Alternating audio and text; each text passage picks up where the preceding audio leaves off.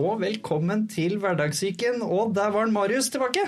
Det er fryktelig deilig. Nå har det gått i ett, så nå er det deilig å få satt av litt tid igjen og komme tilbake i studio.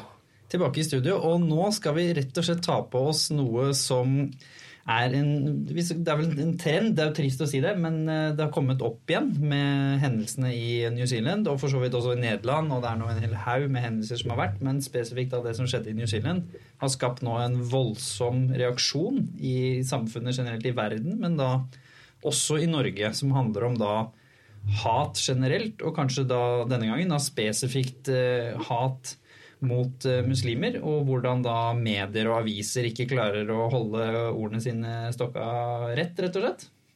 Og da har vi med oss Faten, selvfølgelig. Ja, hei. Faten som aldri smiler. Det er kamera. Ja, nå smiler jeg. Ja. Det ser jo ikke de, stakkar, som hører på. Jo, men uh, vanligvis når vi begynner podkasten Faten, så snakker vi litt om hva betyr tema for deg. Så når vi rett og slett da snakker om hat generelt, og kanskje spesifikt hat mot det å være annerledes, og i de tilfellene da også med, forbundet med religion, hva betyr det for deg i sånne korte trekk før vi begynner å gå i dybden? Nei, altså hat for meg betyr hverdag, liksom. Og så bærer jeg på noe hat selv, da. Ja. Du både tar og, tar og får, holdt jeg på å si. Tar det inn til meg, og så gir jeg det ut også.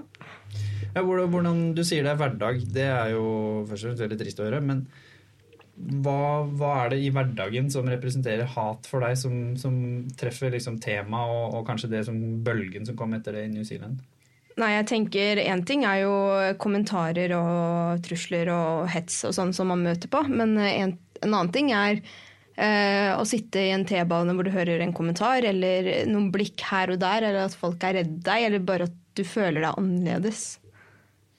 Ja, og, og det her er jo ikke en, uh, dette er jo ikke en politisk podkast. Det er jo en podkast om mm. hverdagssyken. Og grunnen til at vi har tatt inn i et tema her, at dette selvfølgelig også påvirker jo deg og, som person og psyken din. Hvordan, hvordan har det å ha det som en del av hverdagen din, at du bare måtte ha akseptert det? på en måte, At sånn er det? Hvordan, hvordan påvirker det deg som person, tror du?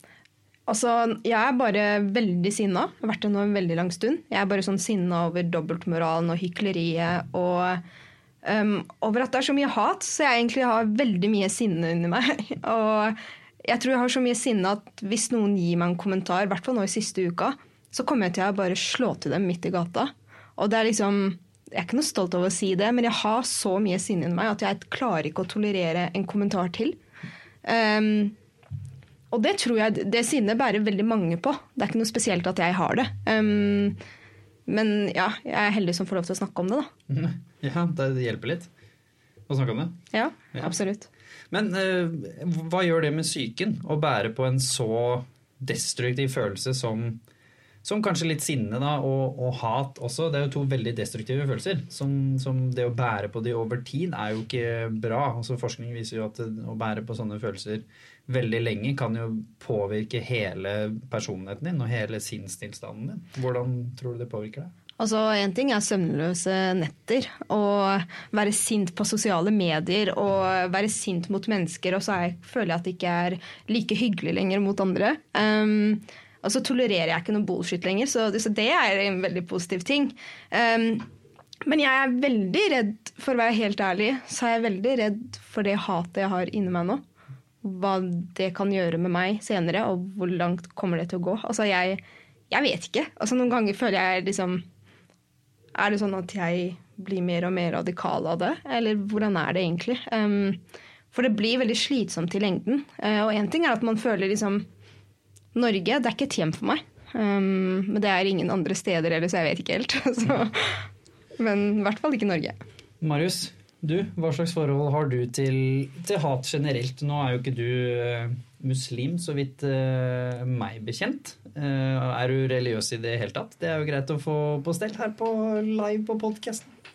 Ja, nei, det For å ta det første spørsmålet ditt først, da. Så um, hat tror jeg alle kjenner på. Um, så der har jeg jo et forhold til hat som veldig mange har. Uh, det jeg vet av erfaring, er at uh, når hat bygger seg opp, altså hvis det blir for mye av det, så begynner det å ta veldig mye av det begynner, å, det begynner, å, bli veldig destruktivt, og det er det som er skummelt. Man klarer liksom ikke helt å kontrollere når det blir destruktivt, og når det er mye hat. Det er klart, jeg har jo med historien min, så, så, var jo det de første følelsene jeg kjente på. Og det var ganske vanskelig å bli kvitt de. Og det gjør jo at det overskygger, eh, overskygger valg, det overskygger eh, altså egentlig avgjørelser at de blir veldig subjektive. Det blir veldig korttenkte tider. og det kan være veldig vanskelig å komme seg ut av det. Eh, folk kan hate en ekskjæreste, folk kan hate naboen for at naboen la avisa på de dør. Det er liksom så mange grader her. Folk kan hate noen som har gjort noe vondt. Folk kan hate folk som alltid gjør noe vondt mot deg. Altså, folk kan hate et system. Liksom, folk kan til og med hate betalingsløsningene eller oppmøtetider hos NSB. Liksom. Så det er jo så mangt. Um, men jeg, jeg syns det er spennende å, å prate om selve da, hat som følelse og hva det gjør. For det er jo så mange måter man kan frembringe det på. Det er også mange måter du kan få andre til å hate deg på. Du kan jo, du, det kan jo gå begge veier. Men det er en sånn, en sånn det er en ond sirkel. Det er veldig kjekt å kjenne på hat. Jeg har jo funnet ut at altså, Jeg prøver å liksom være veldig analytisk med meg selv. Da. Uh, hva er det jeg hater? Er det riktig jeg må hate? Er det en annen måte jeg kan få bukt med følelsene på? Bør jeg prate mer om det? Bør jeg tviste det? For å ta liksom, det spørsmålet ditt med jeg kommer jo fra en veldig for så vidt kristen familie, da. Spesielt av farssiden min. Og det er faktisk én interessant regel jeg har fra, fra bestefaren min, eller Goffa som vi sier. Og det er sånn erketypisk uh, fra kristendommen, det å snu det andre kinnet til. Det, det syns jeg faktisk det er noe i. Det er en morsom leveregel, fordi for meg så lønte det seg å tilgi. Det gjorde jo at jeg fikk utløp for de samme følelsene, eller følte at jeg hadde tatt kontroll.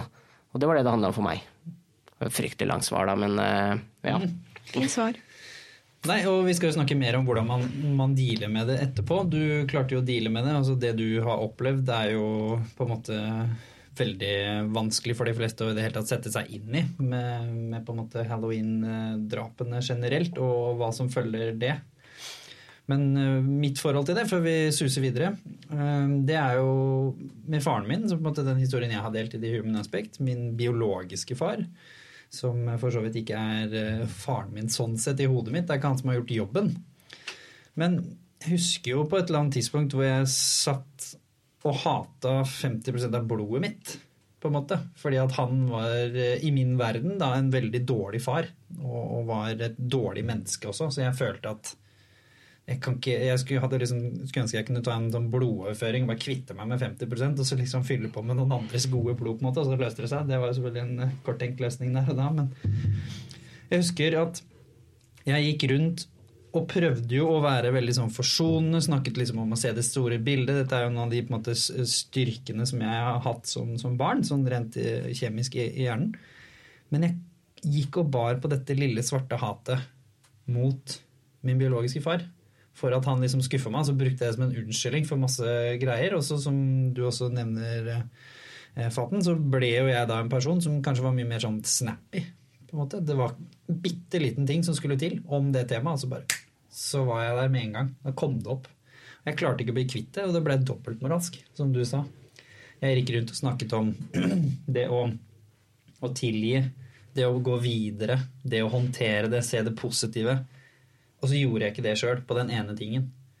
Og da blir det faktisk dobbeltmoralsk. Selv om jeg gjorde det på de 250 andre tinga i livet mitt, så gjorde jeg jo det. Men det hjelper ikke det hvis du går og bærer på en sånn svart hatbrikke som du ikke klarer å la være. Det hadde sikkert eh, gjeldt deg også, Marius, hvis du liksom aldri hadde klart å gi slipp på den ene store, naturlige tingen du selvfølgelig av alles forståelse burde ha hat, da, hvis vi liksom skulle si det sånn. Men så er det jo ganske stor forskjell da, på, på altså Jeg kan tenke meg i Fadens tilfelle, når det er konstant påminnelse. Mm -hmm. uh, og én en ting er liksom greit, jeg, Man kan si at jeg blir minna på ting hvis jeg ser, um, ser meg selv i speilet. Jeg har jo Arra mine vil alltid være der, så det vil alltid liksom minne meg på en sinnstilstand, det vil minne meg på, på, historien min. Men så er det det ikke sant, å hele tiden få fornya da, altså, fordommer, kommentarer, altså at det aldri gir seg. og at det liksom, det, jeg kan kan bare, jeg kan bare prøve å liksom sette meg inn i hvordan det vil være. For da igjen begynner å bli, det begynner å bli ganske vanskelig å være et lite menneske i midten. Som skal klare å liksom selektere ok, hva skal jeg bry meg om, hva skal jeg ikke bry meg om. Er det feil tid og sted, er det feil dag, hvordan er følelsen den dagen allerede? Så det er liksom ikke så rart. altså jeg, jeg skjønner jo godt uh, de følelsene du beskriver, da. Med at det er, liksom, det, er, det er noe hele tiden, og det bygger seg opp, og det er så vanskelig å lette på det trykket. Som gjør at det er, det er ganske vanskelig. Og det å, det å styre hat jeg tror ikke det hjelper å bli 80 år, for jeg tror ikke du blir klok på det. For det er så mange forskjellige følelser å rokke ved, og det er så mange forskjellige måter å hate på. Og kanskje man kommer Jeg, jeg vil tippe, nå er jeg litt fordomsfull, da, men jeg vil tippe mm. at mye av de der klisjégreiene, de der klisjéfordommene, de har du kanskje klart å mestre. Mm. Altså liksom de typiske normene som også da f.eks. generasjonen over deg kan fortelle deg at sånn er det, sånn har det alltid vært. Og så kommer de nye måtene, og så er det blitt mye mer på sosiale medier, og så er det sånn nå hjelper det ikke lenger å de som f.eks. først nå er dømmende, eller kanskje da rasistiske, de de er så mye mer radikale i tilbakemeldingene sine. De er så mye mer breiale. Det er liksom ikke, vi er ikke der hvor liksom, uh, man tar seg nær at hvis noen skriver 'neger' i et kommentarfelt, men nå skriver de veldig mye styggere ting. Og det er for å toppe det. Så man ser jo liksom at tilbakemeldingene og kommentarene og alt er så mye mer ekstremt. Og av vanlige mm. folk, som vi snakket om før vi starta podkasten. Men det her skal ikke handle så fryktelig mye om, eh, om Marius og meg. Hvordan ser denne hverdagen ut for deg? I hvilken form ser du hat nå? Hva er liksom de forskjellige tingene som Marius snakker om her? Hvordan ser hat ut i 2019? Altså, for å være helt ærlig så tror jeg ikke at det, blikket jeg får i T-banen er egentlig noe blikk. Jeg tror jeg har begynt å lage det også i hjernen min. Og det er fordi jeg går rundt og tror at det er sånn hele tida. Um, og, det, og, det, må jeg minne meg selv på. Så, han så bare sånn på det. Her om dagen så var det en mann som så på meg på Nasjonal, og da klikka jeg totalt. Bare hva er det du ser på, har du problemer med hijaben min? Stakkars mann! Å herregud, jeg syns så synd på han. Jeg skammer meg så fælt. Men han så egentlig ikke på meg. Men jeg gikk rundt og leste en kommentar som plaga meg, og så bare tenker jeg nå er bare alle sånn. Um, og, det, og det er jo heller ikke sant. Men det handler om at de likegyldige de sier aldri noe. Altså Det er enten de som hater, enten de som støtter. Og de i midten, som er de fleste, de sier ingenting, og da, da blir du bare frustrert. Um, for jeg er ikke interessert i at noen klapper for meg, jeg er interessert i at noen gjør noe med det. Jeg vil ikke at folk skal stå der og like en forsvarskommentar for en jente som altså, gikk gjennom noe hat eller trusler. Jeg er opptatt av at mennesker setter noe tiltak og gjør noe med det. Um, men jeg, jeg, vet ikke. Jeg står opp med sånn jævlig stort hat i meg. Uh, og bærer på det nå. For hver dag føler jeg at det blir bare mer og mer. Um, men jeg vet at jeg aldri kommer til å bruke det mot noen. Jeg, kommer, jeg ødelegger bare meg selv med det, egentlig. Um, for jeg vet at jeg har aldri hata før, og ordet hate er egentlig ganske sterkt. sterkt. Uh, og vi bruker det nesten normalt i dag. Altså, det er veldig enkelt å skrive 'jeg hater'. Jeg hater skolen, jeg hater uh, han, jeg hater deg, jeg hater troen din. Og det er egentlig ikke sånn at vi hater Kvikk Lunsj, du bare liker ikke Kvikk Lunsj. Men vi begynner å bruke ordet hate som, som, om det er noe helt normalt. Det er helt riktig. Men uh, hva slags form for hat for de som ikke forstår det, er det i dag? Som du har opplevd, Nå har du vært innom blikk. Hva slags andre ting får du? Altså Sosiale medier er én ting. Um, kommentarer, ikke minst. Uh, hun dama i trikken som sier Uh, ja, ja, hun der, eh, de folka der med Scout, de begynner å ta over landet vårt. Og så svarer mannen hennes ja, hva kan vi gjøre med det? Og så sier hun ja, du skal aldri fått lov til å komme inn her og tatt over. Um, hatet hennes gjorde meg ingenting. Men alle andre som var stille i den trikken, det gjorde meg veldig mye. Det var en stappfull trikk. Ingen sa noe imot. Og jeg har jo lyst til å si noe imot, for jeg elsker å si imot. Men, men denne gangen så tenkte jeg nei, det gidder jeg ikke. Jeg gidder ikke å stå på en måte og forsvare meg selv. Hvorfor, eh, hvorfor, er det verre at ingen andre gjør noe, enn at noen faktisk sier noe stygt til deg? For noen som kanskje ikke har følt på det, så høres det kanskje litt rart ut. Fordi altså, den like, likegyldigheten er egentlig det verste, merker jeg. Eller mener jeg, da. Uh, altså, det er Hvem bryr seg om de to? Men hva med alle andre, dere som satt og hørte på og bare vi, vi, gidder ikke å blande oss i. Vi er konfliktsky, vi er så redde. Vi, uh, vi blir ikke stempla som noe. Og, men det er helt greit at hun som står der og fikk det i trynet, at hun skal gå med det resten av livet liksom, og tenke på den kommentaren. Liksom. For det er jo det som hun sier, eh, Marius, og du også har jo, du har jo vært en av de som har gjort noe med dette her, med dine berømte allsidige multikulturelle Hemsedal-turer, hvor du har inkludert folk. Gopi snakket jo om det i episode seks, hvis ikke jeg husker feil. Ehm, men det er jo som Faten sier, der hvor det er flest, også i Norge og de fleste andre land, er jo i midten. Det er jo de som verken hater islam eller hater kristendommen. Det er egentlig de som stort sett egentlig bryr seg om seg sjøl. En og alene, og kanskje Mm. med familiemedlemmer. Det er jo trist å si det, men det er faktisk realiteten. Dette her blir jo litt sånn derre?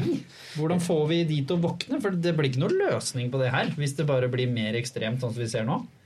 Og som vi sier da, demonstrasjon. Hvis, hvis du står på demonstrasjonen og det bare er alle de som er enige med deg fra før.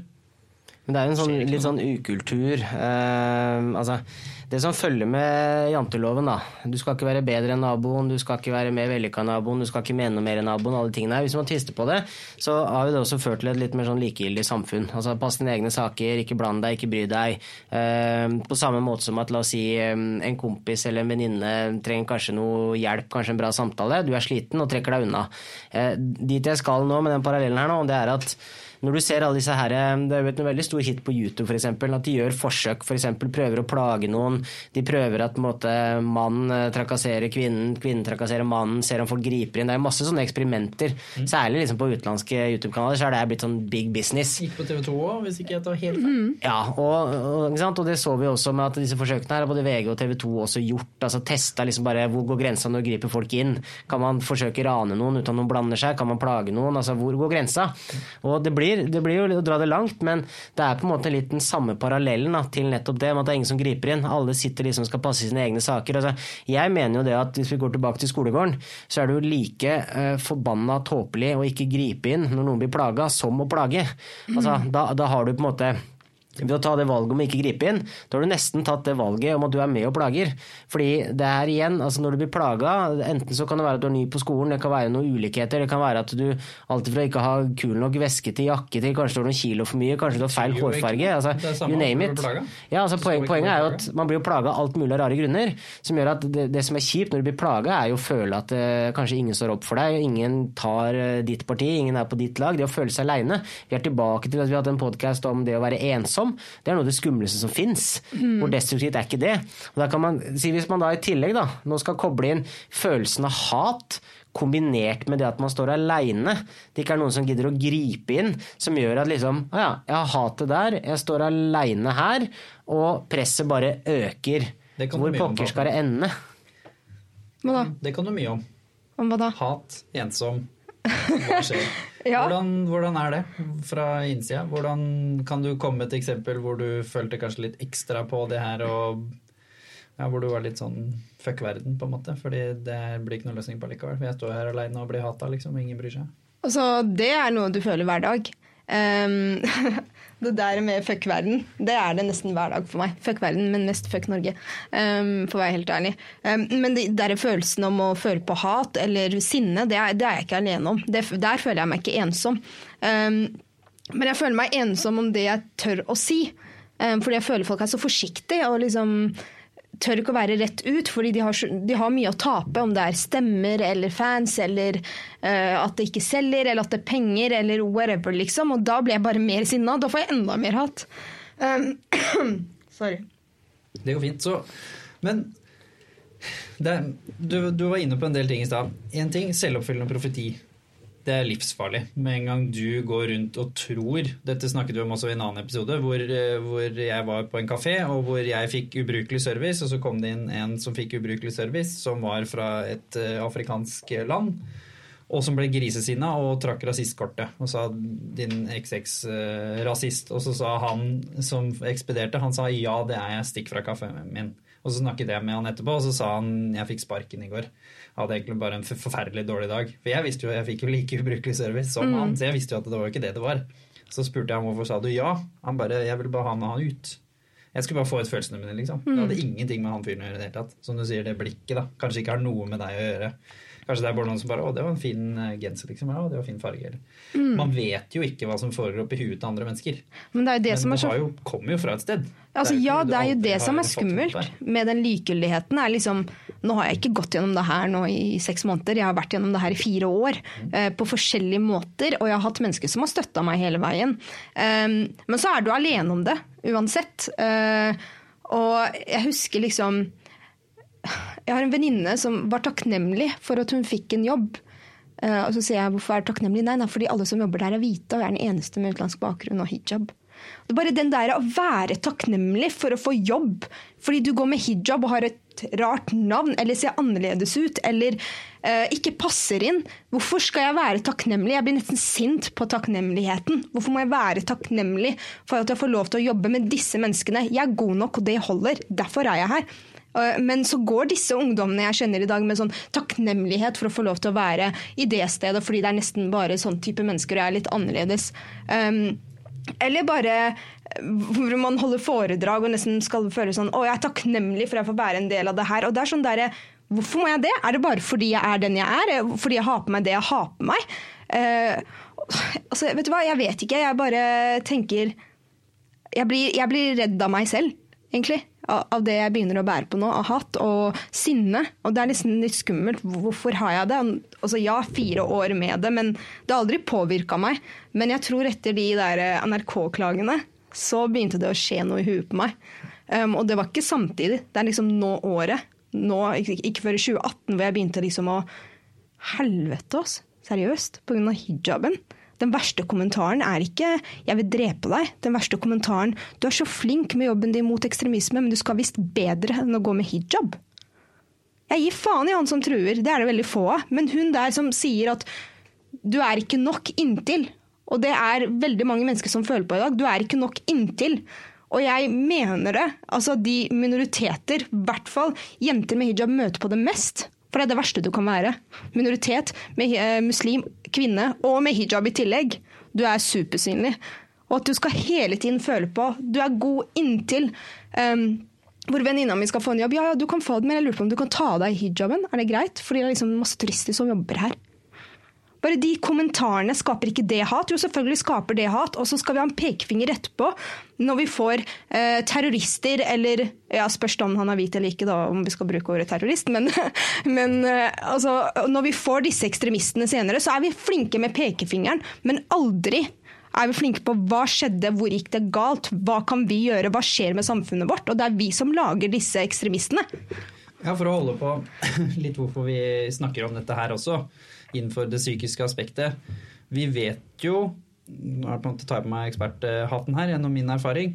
Vi vet jo at mennesker som blir dratt inn i ekstreme miljøer, uansett om det er venstre eller høyre, uansett om det er nazistmiljø eller om det da er IS-miljø, for å bruke to kjente begrep, så handler det om mennesker som har havna utafor. Mm. Av forskjellige grunner. Rett og slett. Og dette har forskning fastsatt. Dette er ikke noe vi trenger å snakke om lenger. Så hvordan skal vi da unngå det her, som du sier? At det ikke liksom skaper et samfunn nå hvor 90 da, av samfunnet egentlig ikke bryr seg. Og så har du 5% på den ene siden og så har du 5% på den andre siden, som lager forferdelig mye kaos for noe som egentlig de 90 kunne ha ordna opp i, hvis de faktisk hadde sagt fra på trikken. Eller som vi snakket om, hvis de faktisk da hadde vært på det elementet hvor de hadde rett og slett sørget for at her skjer det ingenting hvis ikke vi setter ned foten. At det er bot hvis du med fullt navn skriver noe på Facebook. Da holder det ikke at politiet mm. sier at vi har ikke ressurser. Jo, det har dere. Jeg tar et screenshot, jeg sender det til deg. Du går inn, og du har all informasjonen på den, og du sender boten i posten. 10 000 kroner. Refererer du til hvilken klausul. Takk for meg. Det tar fem minutter. Da holder det ikke at politiet sier at det har vi ikke ressurser til. Jo, det har dere. Fordi dere må løse det. Men du må ha politikere som sier ja til dette, men så har vi feige politikere som er redd for stemmer. Og til og med de som mener at dette er riktig tiltak, er også redde for å si dette her. Og jeg tror det med Norge er at vi er så konfliktsky og likegyldige. fordi vi er så redde for å tråkke på noen tær. Og jeg pleier alltid å si gi faen, da. Kan du ikke du tråkke på de tærne? Kan du ikke tørre å si noe? Kan du ikke fjerne dine fordommer? Om du har en fordom mot en jeg vet ikke, buddhister, for du vet ikke noe om dem, så dra til et tempel og lær om dem, så er det liksom ferdig ut av systemet, og det er så enkelt. ikke sant? Det er bare OK, det var ikke så ille likevel. og hva vi lærer barna våre, altså er én ting. Um, at du sier til barnet ditt Jeg husker fortsatt den kommentaren i fjerde klasse. Så skulle jeg det var en gutt som delte ut uh, bursdagskort, altså invitasjoner. Og så kommer jeg og moren var med han, og så tenkte jeg nå får jeg et. Og så sier han ja, mamma, hvor er faten sitt? Og så sier han hun Nei, hun er litt for annerledes. Vi lærer jo barna våre dette her, uansett hvem det måtte være. Ikke, mine foreldre hadde sikkert hatt de samme fordommene mot de andre. Liksom. De er litt for annerledes. Uh, min mor skjønner ikke veganere. Altså, hun syns de er rare mennesker, og de er veldig annerledes. Liksom. De er litt annerledes, men, jo, men det er jo det det handler om in the end of the day. Jeg føler vi overkompliserer ting litt i, i samfunnet nå. At vi liksom skal få det til å høres ut som det er umulig å løse. Det er nesten som om politikerne har gjort det med vilje, for at de ikke skal måtte deale med det som egentlig er relativt enkelt å løse. Tiltak for det mest ekstreme, å håndtere det, det må vi fordi det bryter loven. Mm. Så, og det må vekk, fordi det kan jo direkte påvirke mennesker, selvfølgelig, som får da spesifikke trusler som, som kan ødelegge livet dem. Så noen av de blir jo utført, som er jo da enda verre. Men denne hverdags... Det er jo ikke rasisme heller. Denne hverdagsskeptism skeptisism, skeptisism mot annerledeshet for å ta det på slutten, hvordan skal vi løse det, sånn at vi ikke bygger opp under hat og masse selvoppfyllende profetier om at vi alle sammen går rundt og føler at folk kikker på oss fordi vi er annerledes, vi som er annerledes. Hvordan skal vi håndtere det som vanlige folk? For de som hører på nå, som er de som står på den trikken. Hva ville du sagt at de kunne ha gjort? Jeg burde ha sagt for det første skam dere. Og så er det skam dere. Det er ikke greit at noen blir behandla sånn, uavhengig av altså, tro, legning, hvordan du ser ut, farge. Jeg gir faen. Det er ikke greit. Um, og så må man egentlig tenke hva om det var barnet mitt? Hva om det var meg? Uh, hva hvis ingen hadde stått opp for meg? Uh, og prøve å forstå andre personen da, uh, og deres hat som kommer senere, og da er du så flink med pekefingeren. Um, men jeg tror vi, må ha, vi trenger ikke de store tiltakene, vi trenger det forebyggende arbeidet. Og det gjøres egentlig på skolen, på skolegården som Marius snakka om. Var det Marius? Ja, det er riktig. det. the main man. Yeah. Altså, på skolegården, vi trenger det hos lærere, vi trenger det hos psykologene, hos eh, barnevernet. Vi trenger det ned, nederst i systemet, og starte med der. Og hvordan vi oppdrar barna våre. Vi trenger flere eh, fritidsklubber for dem, fordi at de ungdommene skal henge der og føle tilhørighet, eh, enn å møte på han rasisten ute i gata. Um, og vi, og vi, trenger å snakke med de det gjelder, og ikke om dem. For det er det eneste vi gjør. Vi snakker om rasistene, vi snakker ikke med rasistene. Vi har, ikke, vi har, tiltak for å forebygge, men aldri tiltak for rasistene. Vi har alltid tiltak for de som er ofre, men aldri tiltak for de som altså, driver med det her. Og, og det er jo det samme som på skolen. Det er, ikke, det er, veldig sjelden du får tiltakene rettet der hvor problemet ligger. At veldig veldig mange av mobberne, og for så vidt de som er stille og ikke gjør noe også, ja. det er jo mangel på forståelse. Fordi det er ytringsfrihet. Ja, og hva er ytringsfrihet? Er det ytringsfrihet å komme med direkte trusler og hat? Marius? Jeg syns det, det, er fascinerende fordi Ja. Eh, jeg føler jo det at det er, det er til tider like ille å ikke si noe som å si noe.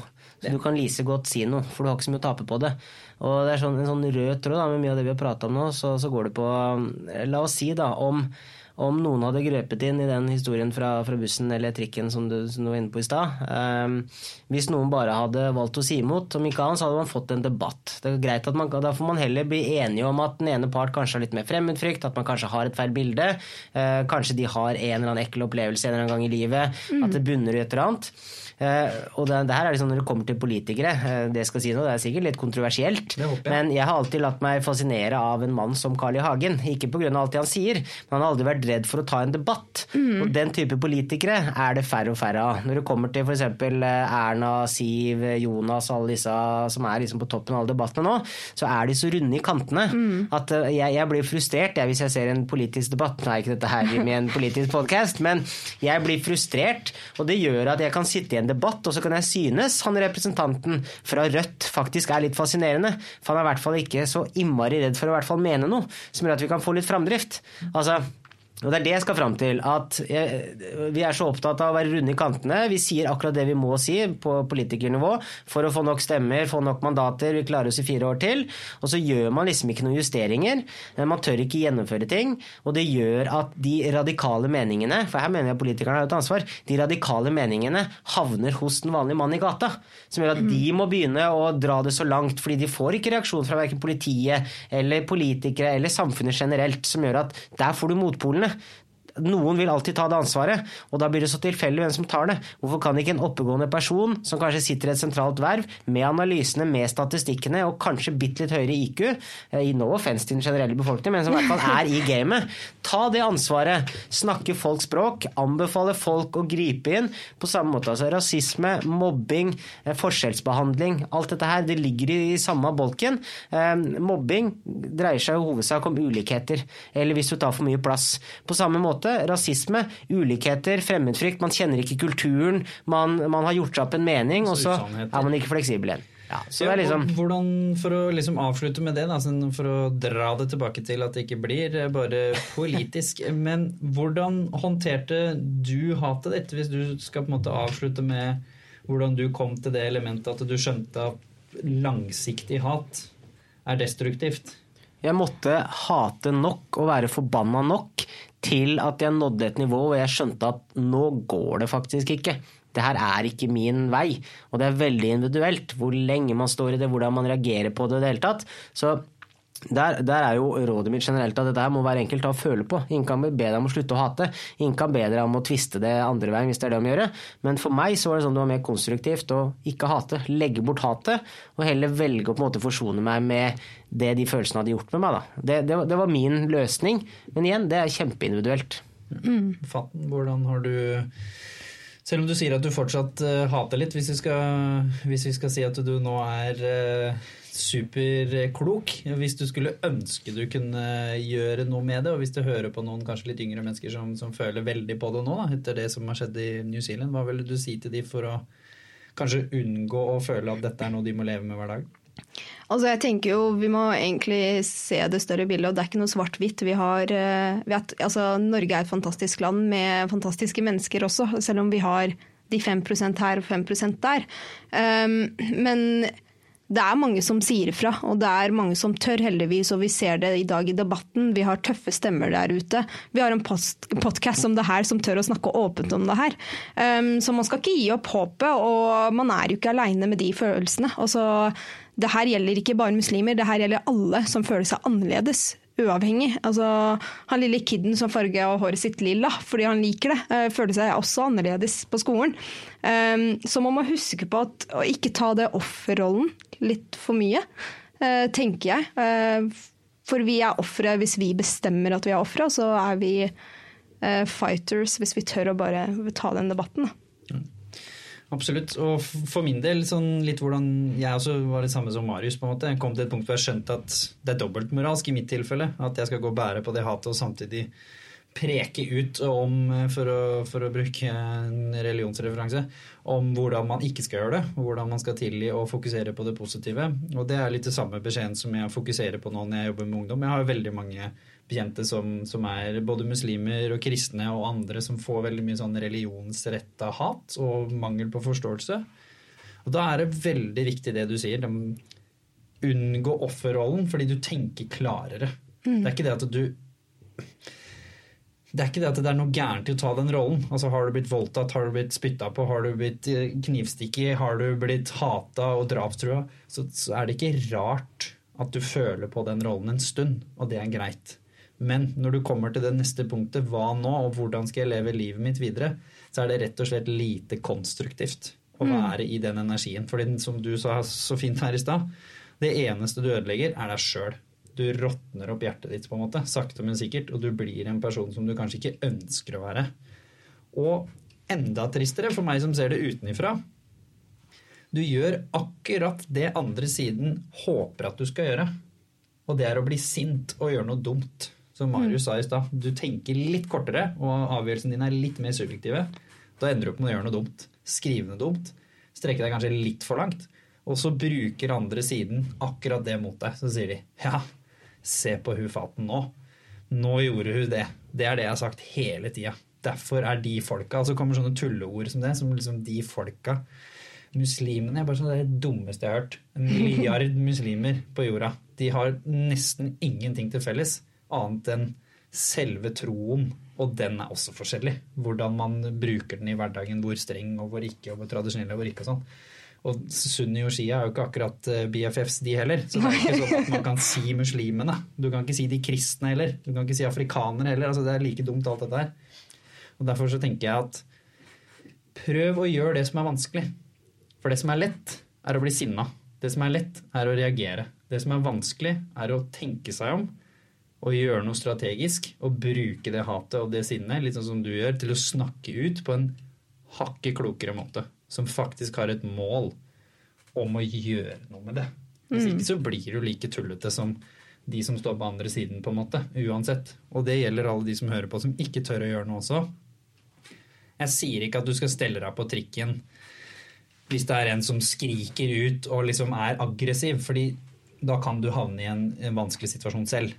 Mens hvis det er en gammel dame på 70 år som kommer med den kommentaren til deg, så er jeg jo ikke redd for å bli banka opp akkurat. Hvis jeg sier til hun gamle dama, vet du hva, det syns jeg faktisk ikke var passende, for du kjenner ikke hun som sitter der. Og du aner ikke hvorfor hun har den hijaben eller ikke. Og in the end of the day, det har du ikke noe med, rett og slett. Så nå holder du kjeft. Det er det lov å si. Eller til og med si det på en hyggelig måte. Ikke si sånne ting høyt. Hvis du tenker det, så må du gjerne tenke det, men det er ditt problem. Og det er de vi husker til altså, slutten av dagen. Mora mi opplevde en sånn greie for noen år siden i T-banen. Og hun husker fortsatt han ene mannen som var etnisk norsk, som sto opp for hun. Og det det, det er, hun husker ingen andre. Hun husker ikke engang han som plaget henne, eller ga henne de stygge kommentarene. Hun husker han som sto opp for henne. Og det er liksom sånne mennesker jeg vil huske. De som har tørt, turt å stå opp, da. Men det er egentlig ganske få, fordi igjen vi er konfliktsky. Eller vi venter på førstemann skal stå opp, da. Alltid. Så bli hverdagshelt, rett og slett, er det vi sier her. Hvis Ja. du faktisk tør på en hyggelig og høflig måte. Du, det er jo ikke målet å skape konflikt her, men på en hyggelig og en fin måte, si ifra. Bli hverdagshelt, kom hit til hverdagssyken og prat om det. Kom hit og prat om det. Tusen takk til Livslyst og Motivasjon som låner oss studio. Og til Maytee som har bydd på te her i studio, som Faten eh, sa vel at den var god. Verken pluss, pluss eller minus. Det, det er sånn. Liker du iste, så kommer du til å like den. Så det er bare å prøve. Du som er nysgjerrig, burde i hvert fall prøve, tenker jeg. Og så tusen hjertelig takk til Faten, Takk til dere. deler både engasjement Og sinne. Litt sinne og gode refleksjoner som alltid. Og herlig å ha Marius tilbake.